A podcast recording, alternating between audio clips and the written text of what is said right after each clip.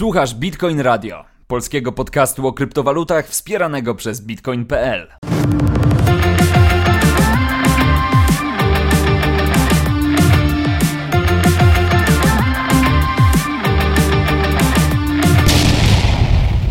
Ha, i co? Zobaczmy jak wygląda kurs Bitcoina po ostatnim tygodniu. O wow, 33 900 dolarów. Niesamowite, jak to się stało. Ostatnio było 28. Otóż, moi drodzy, to wszystko z powodu takiego dość dużego rozdmuchania wielkich teorii, nie wiem czy powiedzieć spiskowych czy nie, ale okej, okay, spekulacji, teorii spekulacyjnych dotyczących przyjęcia bitcoinowego ETF-a przez SEC. No i rynek zareagował na całość tego wielkiego skandalu bardzo, bardzo entuzjastycznie. Ta wielka mistyfikacja i wielka dezinformacja bardzo, ale to bardzo dobrze się przyjęły i spowodowały no, około 20% wzrost e, ceny bitcoina, a także wielu innych aktywów kryptowalutowych, które możemy sobie na rynku zobaczyć. Na przykład taki Chainlink to aż 40% wzrostu. No więc gigantyczna, zdecydowanie gigantyczna kwota. No ale jak to bywa oczywiście w naszym kryptoświecie, to nie są jedyne informacje, o których dzisiaj porozmawiamy, ale również y, to muszę przyznać będzie temat główny. Więc będziemy patrzeć, co powiedzieli ludzie na temat tego, że ta cena bitcoina urosła i jakie mogą być kolejne reperkusje, albo kolejne kontynuacje, albo scenariusze kontynuacji dla rynku kryptowalutowego w najbliższej przyszłości. A, i ostatnio była jakaś taka grupa osób, która zarzucała komentarzach, że y, jestem botem, y, tudzież jakąś sztuczną inteligencją, która nagrywa ten podcast, ponieważ, ponieważ tak i nikt jakby nie jest w stanie mówić przez 30 minut do mikrofonu przez cały czas, więc dla tych osób chciałbym powiedzieć, że tak, jestem sztucznie wygenerowanym speakerem prowadzącym podcast Bitcoin Radio. Za tym podcastem nie stoi żadna prawdziwa osoba, a jedynie po prostu kawałek, kawałek komputerowego kodu, który na podstawie zbioru najbardziej generycznych tonów i głosów osób stworzył taki algorytmiczny sposób prowadzenia podcastu, który jest bardzo podobny do prawdziwego człowieka, no ale, no ale jednak nadal jest to sztuczna inteligencja. Więc yy, tak, gratulacje dla Was. Mam nadzieję, że to nie, od, nie popsuje Wam sposobu odbioru. Nawet udało się w kodzie tego algorytmu zawrzeć takie drobne elementy nieścisłości, żeby to, wiecie, było bardziej naturalne. Czyli to, że na przykład ja się czasem zająknę, albo że możemy dodać takie elementy, jak to, że na przykład chcę się napić kawy. I, i to dodaje troszeczkę więcej takiego autentycznego, żywego e, sposobu słuchania. Więc wielkie dzięki, że jesteście czujni i, nie daliście się na to złapać. Tymczasem my możemy przejść do tego, w jaki sposób rynek kryptowalut wygląda teraz. Otóż e, zrobiłem sobie chwilkę przerwy między początkiem nagrania a tym, co mówię teraz. Um, no i sytuacja na rynku się zmieniła przez ten czas diametralnie. Nie no, żartuję, nie zmieniła się. Ale Bitcoin teraz gdzieś tak oscyluje w granicach tych 34 tysięcy dolarów i nie wiadomo troszeczkę, w którą stronę będzie szedł dalej. A ponieważ nie wiadomo, w którą stronę będzie szedł dalej, wiemy tylko, że w ciągu ostatniego tygodnia wzrósł o 20%, no to moim zdaniem najlepsze, co można zrobić, to sprawdzić trzy rzeczy. Po pierwsze, e, wykres Fear and Greed, e, który pokazuje, jaki jest aktualny sentyment na rynku. Okazuje się, że indeks wynosi teraz w tym momencie 72 punkty, co oznacza, że jest to ten taki obszar e, dominującej chciwości na rynku. No cóż, no bardzo, bardzo jest to zrozumiałe, skoro w ciągu ostatnich 7 dni rosło, no to oczywiście te apetyty, apetyty zaczęły rosnąć. Spojrzałem sobie również na taki inny śmieszny memowy, e, takie inne śmieszne memowe narzędzie jak Bitcoin Rainbow Chart, który dzieli, e, dzieli w danym okresie jakby takie progi cenowe bitcoina na to, y, czy, czy są to takie progi uznawane za, za progi podbańkowe, bańkowe, czy może takie, które są lepsze do akumulacji. No i w teorii nadal jesteśmy w tym obszarze, który raczej skupia się na e, akumulacji. Co ciekawe, w obszarze takim bańkowym, czy, czy w obszarze FOMO byśmy byli dopiero gdzieś przy granicy 100 tysięcy dolarów, więc no co wam mogę powiedzieć? Oczywiście jest to trochę żarcik i traktujmy to z przymrużeniem oka. Natomiast jest to całkiem, całkiem taka ciekawa obserwacja. Ciekawe obserwacje można popełniać również, jeżeli wejdzie się na Twittera, tak jak y, już zacząłem mówić, bo tam, tam jest po prostu więcej ekspertów, którzy się znają. No więc może sprawdźmy, co się dzieje u takich najbardziej renomowanych i najbardziej profesjonalnych osób, które są w stanie powiedzieć nam, no, co, co na tym rynku kryptowalutowym się wydarza i się wydarzy w przyszłości. Zacznijmy od e, Rafała Zaorskiego. E, Rafał Zaorski generalnie w dość prosty sposób całość podsumował, stwierdził, że otworzył shorta na poziomie 33 tysięcy dolarów i czeka do końca roku. 2 stycznia zobaczymy, jak ten post się zestarzeje. Rafał, panie Rafale, bo nie jesteśmy na ty. Chyba, nie wiem. Panie Rafale, dlaczego 2 stycznia akurat? Dlaczego nie pierwszego? Dlaczego nie trzeciego? Chciałbym wiedzieć. Otworzyłem sobie też komentarze, żeby sprawdzić, jak, jak inni się odnoszą do, do, do, tego zagrania Rafała, z którego Rafał się nie chce tłumaczyć, bo twierdzi, że nie musi. I ja twierdzę, że generalnie nie musi ale skoro o tym powiedział, to mógłby powiedzieć w sumie, dlaczego tak obstawia. W każdym razie wszyscy raczej y, się wyśmiewają i mówią, że pytają go, gdzie ma swoją cenę likwidacji, i tam dopiero będą zamykać longi. No, bardzo fajnie, bardzo zabawnie. Um, jest taki fajny komentarz, sympatyczny, ale już y, chyba od 28 y, września, zakładam, mówiłeś, że krypto w dół, albo od 28 tysięcy. Mówiłeś, że krypto w dół, chyba od 20, 28 tysięcy. Mówiłeś, że krypto w dół. Hehe, mam nadzieję, że cię kolego wywiezie, nie ze względu na to, że ci źle, źle, źle życzę, ale ze względu, że życzę sobie lepiej haha. No, musicie wybaczyć, jakby pisownia jest dość, dość trudna e, w przypadku niektórych komentarzy na Twitterze. No, więc jeżeli widzimy e, Rafała Zaorskiego, no Rafał Zaorski ma takie podejście raczej, że nikomu się nie musi tłumaczyć i że generalnie cena spadnie. E, I mówi, że nie chodzi o to, ile pieniędzy obstawił w tym zakładzie, tylko chodzi o, po prostu o to, żeby wyczuć rynek i kto będzie miał rację, czy czyja będzie racja, ten będzie zwycięzcą. Proste, co nie? No, wydaje się, że proste. Mm, dalej e, może zajrzymy do Cezarego Grafa, zobaczymy co dzieje się u niego. Oczywiście najpierw musimy się przekopać przez gigantyczną liczbę, gigantyczną liczbę komentarzy, które dotyczą bardzo dziwnych rzeczy, na przykład y, pytań do Konfederacji, dlaczego pojawiają się spory kłótnie i defetyzm przy najlepszym w historii wyniku. po co jątrzyć? Co to komu da? No nie wiem, może dlatego, że wiecie, Konfederacja umacnia się przez podział czy coś takiego, ale ja zmierzam w kierunku innego obszaru, bo gdzieś mi dzisiaj mignął mm, taki, taki komentarz Cezarego Grafa, który kazał wychodzić, no niestety, przepraszam, nie mogę go znaleźć, ale mówił o tym, żeby po pierwsze się dywersyfikować, czyli to co mówi zawsze, a po drugie powiedział, żeby o, wyzbyć się krasnal coinów i żeby dokupować e, USA. I że robi tak każdy, kto ma trzy zwoje. Zobaczmy co w komentarzach. W komentarzach napisane jest ok. Mm, jedź do Stanów i zobacz jak wygląda USA. Tylko idiota by tam inwestował. No, więc Polski Twitter z takiego obszaru kryptowalutowego i inwestycyjnego ma się dobrze. Na całe szczęście, słuchajcie, no u mnie czegoś takiego nie będzie. My będziemy tutaj przecież tylko sobie słodzić i będziemy sobie o miłych rzeczach rozmawiać. No więc, mieliśmy a propos miłych rzeczy rozmawiać o tym, co wydarzyło się na rynku Bitcoina, że on tak nagle, prawda, z tych 28 tysięcy wybił do góry. Otóż powodów jest kilka, a timeline jest no w zasadzie całkiem spory. Ja trafiłem na jednego tweeta, który e, na profilu CoinMarketCap się znajduje i tam y, są pokazane takie kluczowe wydarzenia, a jednym z nich takim największym, wydaje mi się, który doprowadził do tego, że e, rozpoczął się ten taki duży, dziki wzrost ceny, e, jest wydarzenie z 16 października, czyli e, Cointelegraph podaje fałszywego tweeta na temat tego, że e, ETF Bitcoina został zaakceptowany przez SEC.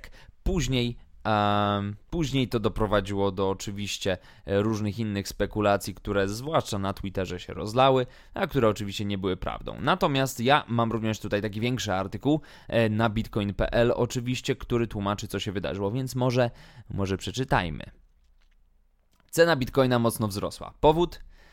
W wątku z 23 października na X, czyli na Twitterze, jeżeli nie jesteście jeszcze, wiecie, jeżeli nie pamiętacie, nie kojarzycie.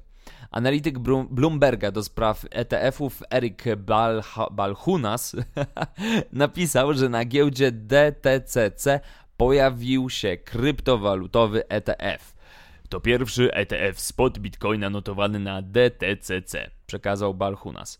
Bez wątpienia BlackRock jest liderem w zakresie logistyki, która zwykle na, ma miejsce tuż przed startem nowego ETF-a.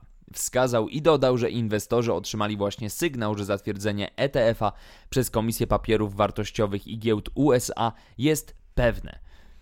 To jednak nie wszystko, ponieważ pojawiły się także inne tweety, między innymi od Scotta Johnsona.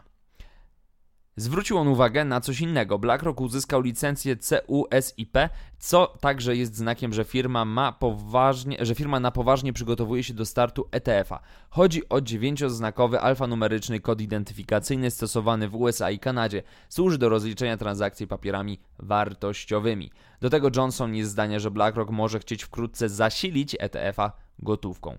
Przy tym wszystkim pamiętajmy, że SEC ma jeszcze czas na udzielenie odpowiedzi BlackRock. Teoretycznie najpóźniej może to zrobić w marcu przyszłego roku, co oczywiście nie wyklucza, że powie tak już teraz.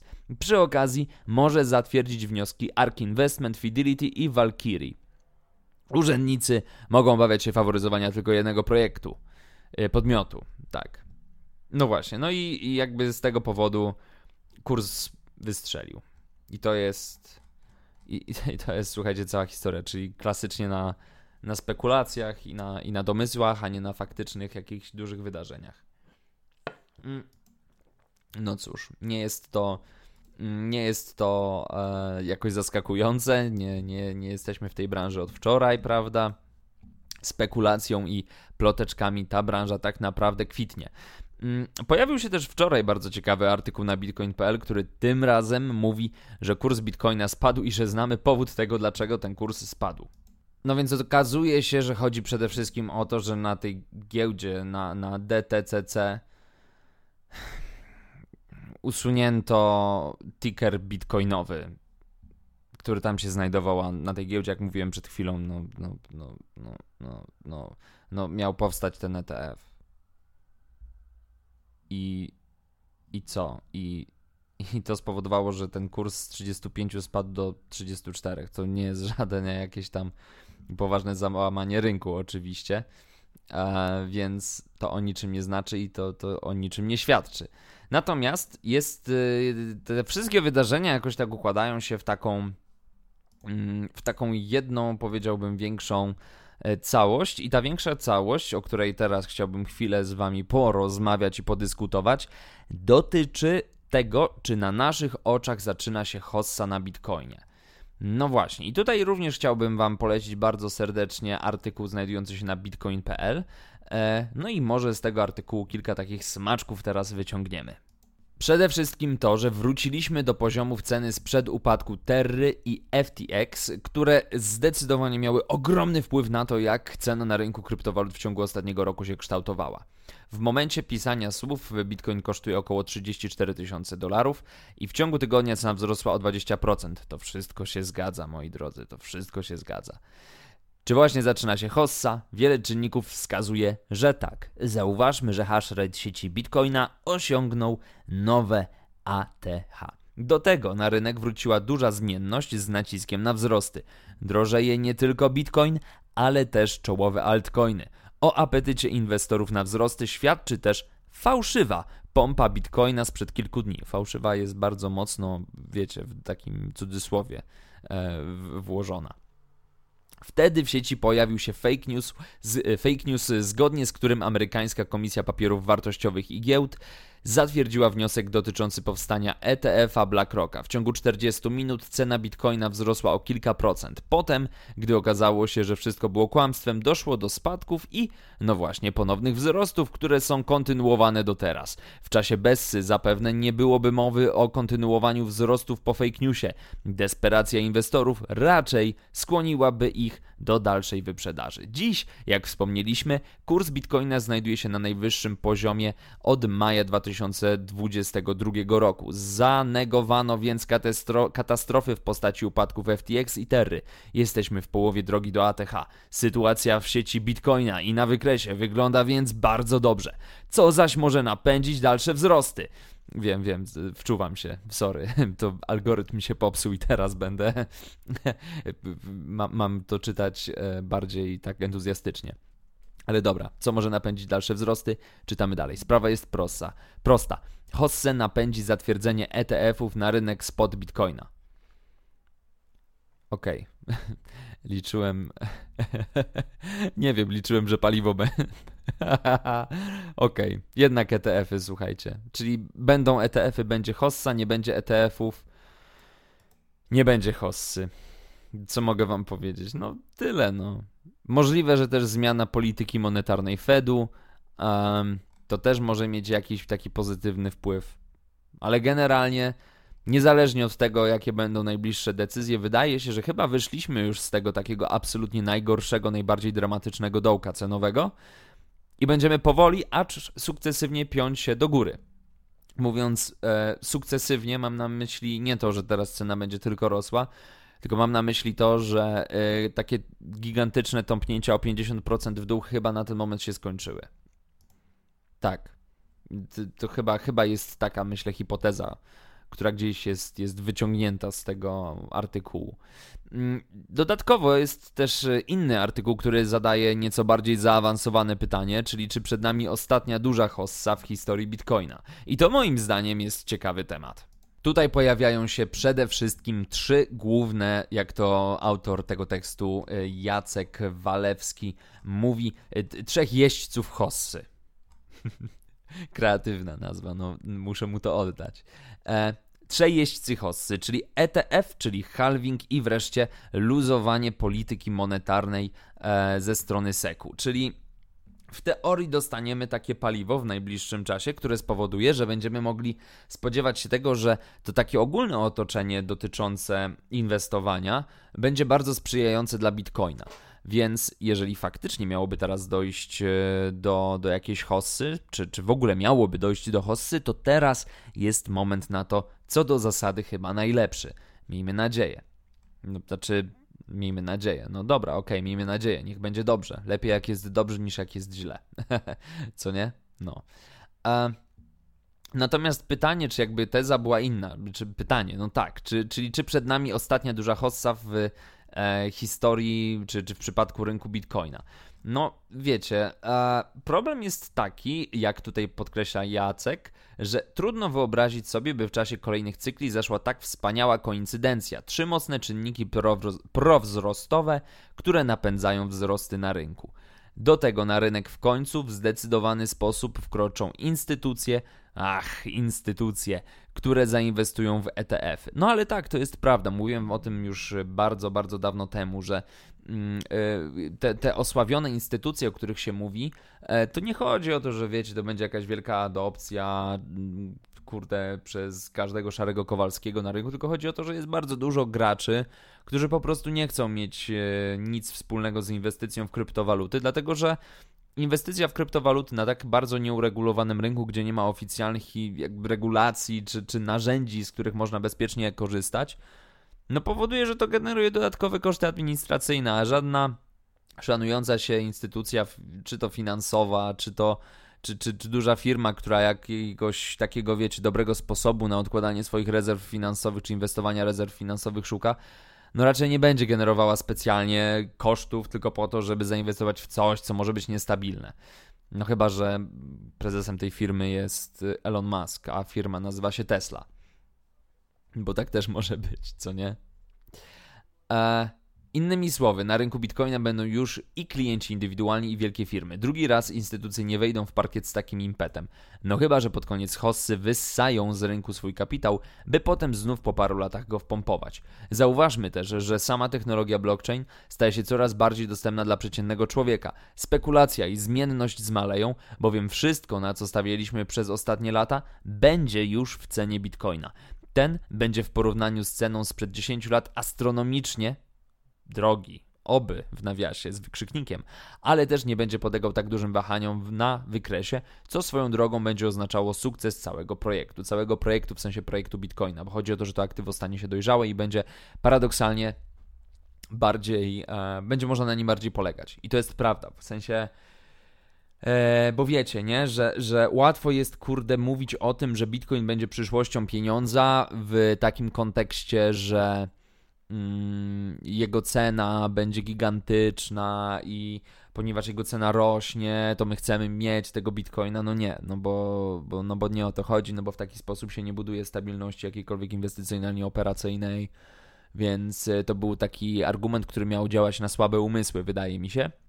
Kluczem do tego, żeby Bitcoin był adoptowany przez szarych Kowalskich, przez, e, przez, przez instytucje, które będą traktowały to jako narzędzie do po prostu tworzenia bieżącego takiego obiegu wartości w e, transakcjach przede wszystkim, jest jego stabilność. I tylko taka stabilność może spowodować, że zaczniemy szukać nie tylko, czy patrzeć na Bitcoina nie tylko przez pryzmat jako jego, tych jego funkcji utrzymywania czy pomnażania wartości, ale jako na narzędzie, które posiada przede wszystkim możliwość przesyłu tej wartości bezkosztowo, szybko i bez, gra- bez jakichkolwiek limitów, jeżeli chodzi o takie granice polityczne. Um, i to jest moim zdaniem, to jest moim zdaniem to paliwo i uważam, że Jacek bardzo trafnie e, je tutaj identyfikuje. Natomiast e, jeżeli Bitcoin e, przestanie być królem spekulantów, no to kto będzie tym nowym królem w jego miejsce? Oczywiście Prawdopodobnie, jak to Jacek mówi, będzie to Ether, który jest znacznie niższy cenowo od Bitcoina i póki co znacznie niższy w kapitulacji. No, w kapitalizacji, nie kapitulacji. Ale przeczytajmy tutaj ten akapit, o którym, w którym Jacek się wypowiada na temat Etheru. Wszystko powyższe nie oznacza jednak, że inwestowanie w kryptowaluty przestanie się opłacać.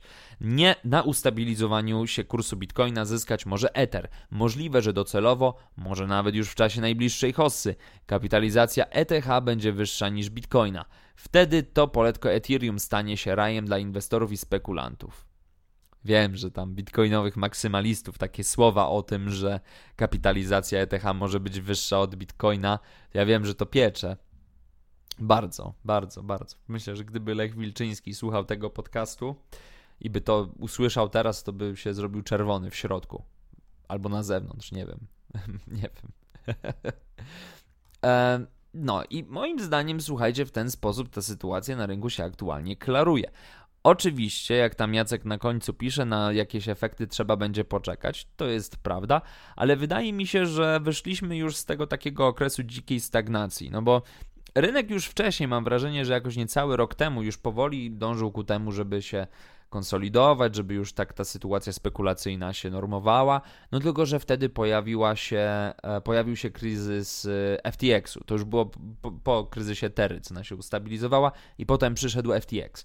A teraz, miejmy nadzieję, to jest już taki ostateczny moment, że, że będzie dobrze, że będzie dobrze i że będzie można myśleć o tym, że no nie wiem, śnić o tym, że znowu będziemy wielkimi kryptomilionerami. Na sam koniec pójdziemy posłuchać tego, co powiedział największy guru na rynku kryptowalutowym, czyli Vitalik Buterin. Ten klasycznie martwi się o przyszłość kryptowalut, ale również sztucznej inteligencji. No to dowiedzmy się o co chodzi. W ostatniej sesji Ask Me Anything, e, zorganizowanej dla użytkowników zdecentralizowanej platformy społecznościowej Farcaster, Buterin odpowiedział na wiele pytań. Wśród nich bardzo często przewijał się temat przyszłości kryptowalut. Współtwórca Ethereum jednoznacznie stwierdził, że obawia się stagnacji na rynku kryptowalut. Według niego oznaczałaby, że takie rzeczy jak prywatność i otwarta struktura internetu zostaną zapomniane. Buterin wyraźnie wskazuje, że nie podoba mu się obecny kierunek rozwoju kryptowalut. Coraz większe zaangażowanie tradycyjnych finansów w sektor cyfrowych aktywów zwiększa ryzyko, że kryptowaluty zostaną wchłonięte przez rynek. Kolejne regulacje sprawią, że będą one swojego rodzaju CBDC, w pełni kontrolowanym przez rządy i instytucje finansowe. To będzie całkowite zaprzeczenie idei Satoshi Nakamoto, czyli twórcy Bitcoina. No właśnie. E, No i ja uważam, że generalnie Vitalik Buterin, wiemy jakie on ma poglądy, no bardzo, bardzo takie nastawione na prywatność, samoświadomość i generalnie uważam, że on jest y, no chyba, chyba, chyba najjaśniejszym punktem tej całej branży w tym momencie. Y, ja uważam, że jego obawy są jak najbardziej uzasadnione, ponieważ każdy kryptowaluciarz, y, umówmy się, że za trochę pieniędzy prawdopodobnie sprzedałby swoją matkę. Ale nie no, przepraszam, nie chcę tutaj obrażać wszystkich kryptowaluciarzy, ale no umówmy się, że dla wielu osób ważne są możliwości jakiejś, jakichś finansowych korzyści, e, które można z tego rynku wyciągnąć, a nie jakieś technologiczne aplikacje, no umówmy się. A przynajmniej technologiczne aplikacje nie miałyby znaczenia, jeżeli nie potrafią wyciągnąć pieniędzy z tego, co robią. Mm, no, tak. Więc Vitalik wydaje mi się, że jest jedną z tych osób, które dość szczerze podchodzą do tego typu e, tematów i z taką dużą szczerością potrafią o tym mówić. I on dostrzega zagrożenia, które płyną z aktualnego kierunku rozwoju kryptowalut i to jest fajne i to jest szczere. Ja to jakby absolutnie się z tym zgadzam. Tym bardziej, że jakiś czas temu też e, na Reutersie, Reutersie, chyba w, chyba w Reutersie albo w papie, nie pamiętam, e, pojawiła się informacja o tym, że faktycznie mają wystartować pracę nad e, cyfrowym euro, nad CBDC euro. E, po raz kolejny, więc jakby absolutnie no, nie wierzę w tę informację, że to się wydarzy na przestrzeni następnych pięciu lat. Natomiast, no słuchajcie, zmierzamy w tym kierunku powoli. Zmierzamy w kierunku stopniowego redefiniowania tego, jak będą wyglądały nasze finanse, jak będą wyglądały sposoby na inwestycje, jak będzie w ogóle wyglądała nasza przyszłość. Tyle. Tylko tyle, słuchajcie. I z taką oto refleksją, która nie chciałbym, żeby była w jakikolwiek sposób smutna ani wesoła, was zostawiam. Bo mam taki, takie, takie, takie, takie przeczucie, takie tyci, tyci, że generalnie rynek kryptowalutowy będzie zmierzał w kierunku takim rosnącym po tych wszystkich strasznych rzeczach, które się wydarzyły. A my póki co jesteśmy w takim momencie, że jeszcze trochę nie wiemy, jak będzie, nie wiemy, co się wydarzy, ale mam takie też czucie z tyłu głowy, że wydarzy się dokładnie to samo, co zawsze, czyli stopniowy wzrost entuzjazmu, który przerodzi się w euforię, który przerodzi się w ogromną chciwość podlaną zdobywaniem pieniędzy na fali coraz to bardziej dziwnych, nierealnych, konsumpcyjnych i nikomu niepotrzebnych trendów technologicznych. I to wszystko znowu runie. I znowu wielcy milionerzy, którzy się dorobią na przestrzeni najbliższych kilku lat pieniędzy, skończą w więzieniach. Część tych, co w więzieniach powinna być, nigdy się w nich nie znajdzie. I znowu będziemy w kolejnej kryptozimie. Ale póki co, mimo że za oknem szaruga i wspaniała polska jesień, to cieszmy się z pierwszych kryptowiosennych promieni słońca, które na naszych twarzach wreszcie po tych dwóch latach może zagoszczą.